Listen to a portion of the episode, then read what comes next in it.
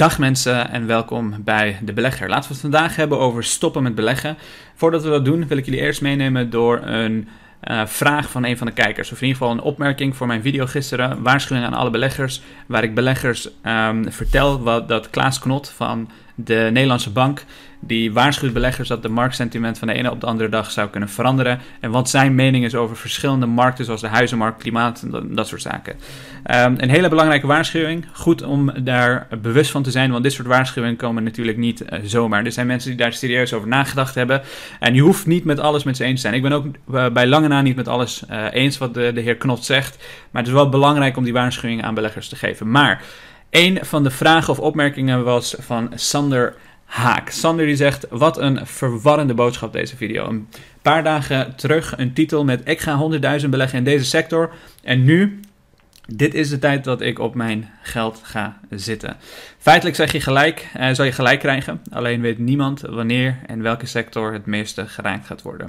Historisch gezien zal er een beurscrash plaatsvinden. Net als het herstel van de beurs. Met een lange horizon snap ik niet deze korte termijn gedachten van je. Iets met de, uh, met de tijd in de markt verslaat Mark Timen. Toch? Toch? Toch bedankt voor deze. Uh, toch bedankt voor de moeite die je in de video hebt gestopt om deze te, deze te maken. Geen probleem. Sander, dank voor je vraag. Ik kan me je verwarring op zich uh, voorstellen. Want misschien voordat we verder gaan, ik ben er serieus, oprecht van overtuigd dat het heel erg moeilijk is als belegger om consistent gelijk te krijgen. Dat is heel erg moeilijk. Um, waar ik ook van overtuigd ben, is dat het nog vele malen moeilijker, misschien wel onmogelijk, ja, eigenlijk gewoon echt onmogelijk is om consistent gelijk te krijgen op het juiste moment. Dus ik ben volledig met je eens dat je de markt niet kunt timen. Dat is uh, vrijwel een gegeven. Maar wat je wel kan doen, is zorgen dat je leert van geschiedenis. Je zegt historisch gezien zal er een beurscrash plaatsvinden, net als het herstel van de beurs. En daar ben ik het volledig met je eens, want ik ben ervan overtuigd dat de markt cyclisch is. Het fluctueert van de ene naar de andere kant, uh, maar het fluctueert, het fluctueert vooral van eeuwige optimisme naar eeuwige pessimisme. Ik zal je meenemen door een video die ik een tijd geleden heb gemaakt voor alle mensen die lid zijn van mijn community. Een video van een uur waarvan ik je mee ga nemen in twee verschillende punten, zodat je iets meer begrijpt over hoe ik zelf over de markt denk. Um, het begint, deze video begint met Delta. Um, Oh, sorry. Deze video begint met een voorbeeld die ik geef dat, je, dat ik de markt als een soort lingo-grabbelton zie. Niet omdat je een gokje waagt en hoopt dat je de beste bedrijven kiest. Nee, je rendement is altijd je eigen verdienste door je eigen onderzoek en je eigen ervaring. Maar een groot gedeelte van beleggen is ook jouw emotie, emotie en die van andere beleggers. En allerlei willekeurige gebeurtenissen en dat soort dingen. Nou, uh, wat ik daarmee probeer te zeggen is, beleggen is niet hetzelfde als, een, uh, als gokken of uh, een kansspelletje. Maar um, het is wel degelijk zo dat er heel veel dingen zijn die kansgerelateerd zijn. Vooral macro-economische zaken zoals een COVID, zoals de rentestanden, uh, zoals economisch voorspoed of tegenspoed. Dat soort zaken die zorgen ervoor dat de economische of de, de, de beleggingsklimaat op de, van de ene dag op de andere dag anders eruit ziet. Dus ik geef je het voorbeeld van drie verschillende jubeltons waar je in, uh, je hand in kan steken. Uh, dit is een markt waar als je je hand insteekt, dat de kans dat je groene ballen pakt veel hoger is dan dat je rode ballen pakt. Dit is een markt waar de kans dat je gele ballen pakt veel groter is dan dat je uh, rode ballen pakt. Of uh, er is maar één groene bal, dus de kans dat je groene ballen pakt is vrij um, laag. Dit is een markt waar er heel veel rode ballen zijn en heel weinig groene ballen en heel weinig gele ballen ook. Um, binnen de beurs heb je wel de keuze om te bepalen op welk moment jij je hand in die grabbelt ontsteekt. En uh, er zijn heel veel verschillende manieren waarop je zou kunnen weten in welke fase we zitten. Want uh, historisch gezien, er is heel veel onderzoek naar gedaan. Dit kan je ook allemaal opzoeken. Uh, historisch gezien is het niet anders dan als de waarderingen zo hoog oplopen dat er een kans bestaat op een correctie. Je kan nooit weten wanneer, maar je bepaalt wel wanneer jij je hand erin steekt. En dus wanneer jij je kapitaal allokeert. Want onderaan de streep is beleggen kapitaalallocatie. Je hebt een zak geld waar ga je dat insteken en wanneer ga, wil je dat gaan insteken? En uh, ik zou het volledig met je eens zijn om um, eens in de zoveel tijd gewoon simpelweg de, uh, een bedrag in te steken en nooit meer daarna om te kijken. Als je strategie zou zijn dat je in um, voornamelijk in um, in, in, in, in ETF's die breed, in wereld gespreid, of, uh, breed over de hele wereld gespreid zijn, gaat beleggen. Daar ben ik het met je eens. Maar als je in individuele aandelen gaat beleggen, is alleen aan de lange termijn denken zo goed als naïef. Want je kan ook voor de lange termijn uh, slechte keuzes maken. En uh, het is vooral belangrijk dat je strategisch slimme keuzes maakt voor de lange termijn. Dus alleen maar lange termijn denken. Als je simpelweg uh, voetbal speelt, een hele lange periode, dan heb je het voor de lange termijn gedaan. Maar als je strategisch omgaat en slim speelt, dat is veel belangrijker. maar wel altijd voor de lange termijn. Want ik ben ook zelf een lange termijn belegger. Zoals je weet, een groot gedeelte van mijn uh, vermogen is op dit moment in de beurs belegd. Dus ik ben nog steeds heel optimistisch over de beurs. Ik heb 340.000 euro alleen al in mijn publieke portefeuille zitten, uh, die ik dagelijks met iedereen hier, uh, hier deel. Dus ik geloof nog steeds in de markt. Alleen het nieuwe geld, nieuwe cashflows die binnenkomen, het geld wat ik verdien, dat is iets wat ik op dit moment niet um, uh, massaal aan het uitgeven ben. Ik heb laatst bijvoorbeeld een aantal uh, transacties gedaan, een aantal interessante bedrijven gekocht die bij een daling opeens veel interesse, uh, interessanter leken. dat heb ik ook met de community mensen gedeeld. Dus mensen die lid zijn van de community die hebben dat waarschijnlijk ook gezien. Maar um, dat zijn wel.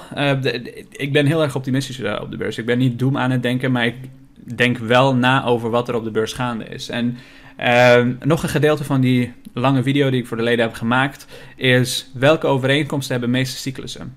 En de beurs die is eigenlijk als een soort slingerende aap. Die gaat van eeuwige optimisme naar eeuwige pessimisme. En alles wat er tussenin zit, wordt vaak vergeten. Um, en de meeste cyclussen die hebben uh, een aantal verschillende overeenkomsten. Eén, te veel optimisme. In die tijden zijn de aandelenprijzen hoog. Twee, te veel pessimisme. Dan zijn de aandelenprijzen laag. Eén, uh, of uh, drie, te veel risicoaversie, dat, uh, dan zijn de aandelenprijzen namelijk laag. En of te weinig risicoaversie, dat zijn, dan zijn de prijzen, aandelenprijzen hoog. Uh, hetzelfde geldt met te veel of te weinig geld in de economie. Uh, en op dit moment is het heel simpel. Als je kijkt wat er op de beurs gaande is, er is te veel optimisme. Er is te weinig risicoaversie. Mensen nemen heel graag, heel bewust, veel meer risico dan dat ze waarschijnlijk zelfs überhaupt aankunnen. Um, er is te veel geld in de economie. De rentes zijn nog nooit zo laag geweest. Er is gewoon simpelweg te veel geld. Dat zie je in de huizenmarkt, dat zie je op de beurzen, dat zie je eigenlijk overal dat er gewoon simpelweg te veel geld is. En als je naar dat soort dingen kijkt, als je naar dat soort overeenkomsten kijkt, want er is ook een bekende gezegde dat uh, history doesn't rhyme, of uh, history doesn't repeat itself, but it does rhyme. En dat zijn de uh, dat zijn de drie dingen die ervoor zorgen dat de overeenkomsten, dus de, de, de, dat de geschiedenis zich rijmt en niet herhaalt, dat zijn de overeenkomsten in vrijwel ieder cyclus. Als er te veel optimisme is, te weinig risicoaversie en te veel geld, dan krijg je, je weet niet wanneer, maar dan krijg je op een gegeven moment een daling. Dus ik steek op dit moment niet mijn hand in die lingobal. En waarom? Ik ben huiverig en ik allokeer mijn kapitaal zodra ik kansen zie. Als die kansen nu komen, fijn. Als die kansen over een jaar komen, fijn. Maar ik zorg ervoor dat ik mijn kapitaal zo slim en strategisch mogelijk allokeer om er het meeste uit te kunnen halen. Want dat is onderaan de streep waar beleggen over gaat. Een van die uh, dingen die ik, uh, waar ik je uh, nog mee wil nemen Um, als je naar die uh, Lingo Grabbelton uh, bijvoorbeeld kijkt, uh, ik heb in die video nog heel veel andere dingen uitgelegd, maar de S&P 500 staat op een van de hoogste waarderingen ooit. Dat is simpelweg 35 of 34 is dat. het is maar letterlijk twee keer zo hoog geweest in de afgelopen 100 jaar zowat. Dus um, je zou kunnen zeggen dat dit een moment is waar die waarderingen torenhoog zijn, waar optimisme hoog is, veel geld in de markt is. Waarom zou je dan nu nieuw geld gaan allokeren uh, in individuele aandelen, tenzij je in een wereldwijd gespreide ETF zit? Ja, dan maakt het niet uit. Dat is wetenschappelijk bewezen, door heel veel studies naar gedaan. Maar als je in individuele aandelen zit en je zit alleen maar uh, naïef aan de lange termijn te denken, zonder strategisch slimme keuzes te maken en naar de algehele markt te kijken, want dat is ook de lange termijn bekijken, ja, dan. Uh, uh, kan je jezelf toch nog uh, in de voet schieten als, uh, als belegger zijn. Dus ik hoop, ik hoop dat dit je iets meer duidelijkheid geeft en misschien wat minder verward. Want ik kan me voorstellen dat je, als je alleen naar dit soort titels kijkt, ik ga daar 100.000 beleggen in deze sector, dit is de tijd dat ik op mijn geld ga zitten.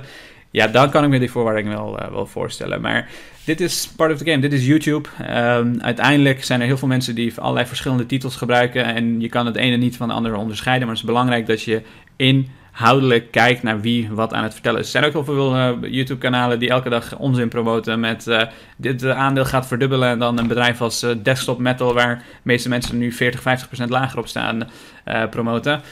Ja, de, de inhoud is veel belangrijker dan de titels. Ik zou daar niet heel erg op ingaan. Maar laten we even verder gaan met de titel van deze video. Namelijk stoppen met beleggen. Want er zijn heel veel studenten, heel veel jongeren die tijdens de COVID-pandemie zijn begonnen met beleggen. Heel veel mensen die begonnen zijn met beleggen. Dus heel veel. Ik, ik heb dit kanaal al twee jaar, of twee jaar geleden opgericht. Twee jaar geleden ben ik begonnen met het uh, vertellen van um, waar ik zelf mee bezig ben qua beleggingen. Ik beleg zelf al ruim meer dan negen jaar op de beurs. Uh, twee jaar geleden begonnen met, met dit, YouTube-kanaal voor de COVID-pandemie.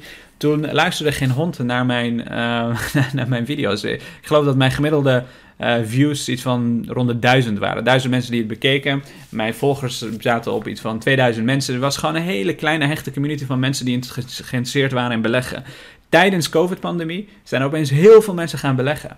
En uh, er is een gast, die heet Martijn Levine, die heeft een interessante theorie bedacht, namelijk... Uh, laten we dit misschien even voorlezen. In his recent article on Bloomberg, Matt Levine discussed the current craziness in markets uh, citing GameStop, non-fungible tokens, NFTs dus, and the surge in crypto. He also discusses boredom market hypothesis to explain why this may be happening. Here's an example from the article. In the latest In the last dumb, dumb year, I've proposed two very dumb theories of the financial markets, both which seem relevant to Dogecoin. The boredom market hypothesis says that people will buy stocks uh, when buying stocks is more fun than other things that could be that they could be doing for fun. En dat is wel een beetje de trend die je de afgelopen tijd gezien, namelijk heel veel jongeren, heel veel mensen die begonnen zijn met beleggen en die zich eigenlijk verveelden. Je zit thuis, je hebt geen geld om uh, of je hebt geen uh, feestjes om geld aan uit te geven. Je hebt geen festivals. Je, je kan eigenlijk nergens anders heen. Dus je zit thuis en het enige wat je nog voor je hebt zijn aandelen kopen en allerlei nieuwe verschillende leuke toffe apps waar je verschillende aandelen, crypto's, dat soort zaken kan kopen. Maar nu is dat eigenlijk heel anders dan een tijd geleden. Um, ik kan het nog ver, verder voor je gaan voorlezen, maar ik denk dat uh, de, de, de, zijn uh, boredom market, market uh, hypothesis op zich wel duidelijk is.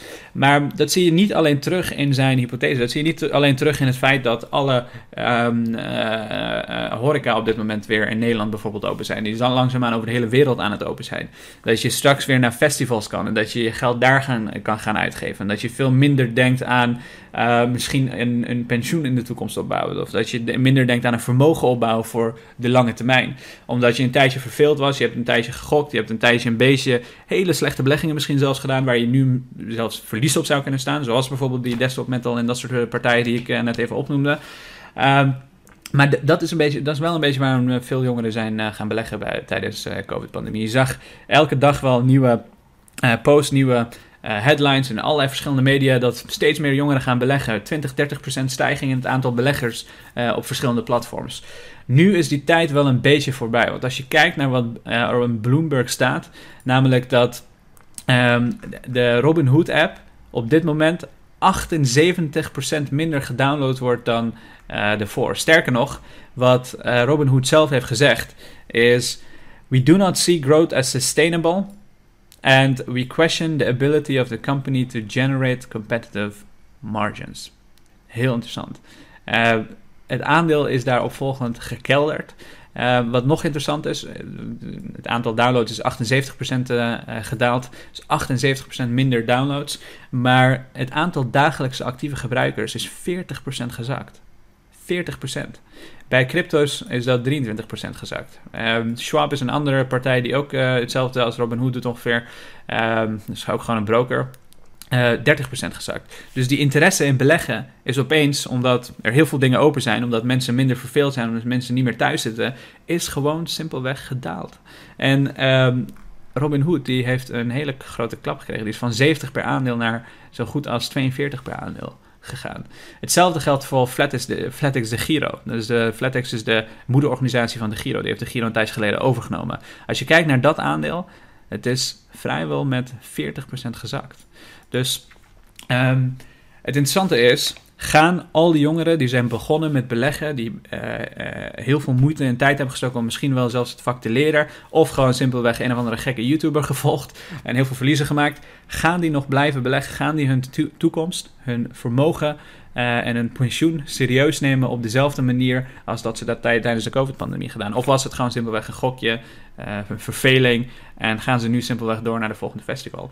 Laten we het zien. Ik ben benieuwd of jij gaat stoppen met beleggen. Laat het me weten in de comments. Laat me weten wat je van dit soort video's vindt, zodat ik ze misschien wel vaker blijf maken. En Laat een like achter, want daarmee support je mijn kanaal en kunnen meer mensen dit soort toffe video's zien. Uh, het wordt voor een breder publiek toegankelijk en daar help je mij dus enorm mee. Dank voor het kijken en fijne dag nog.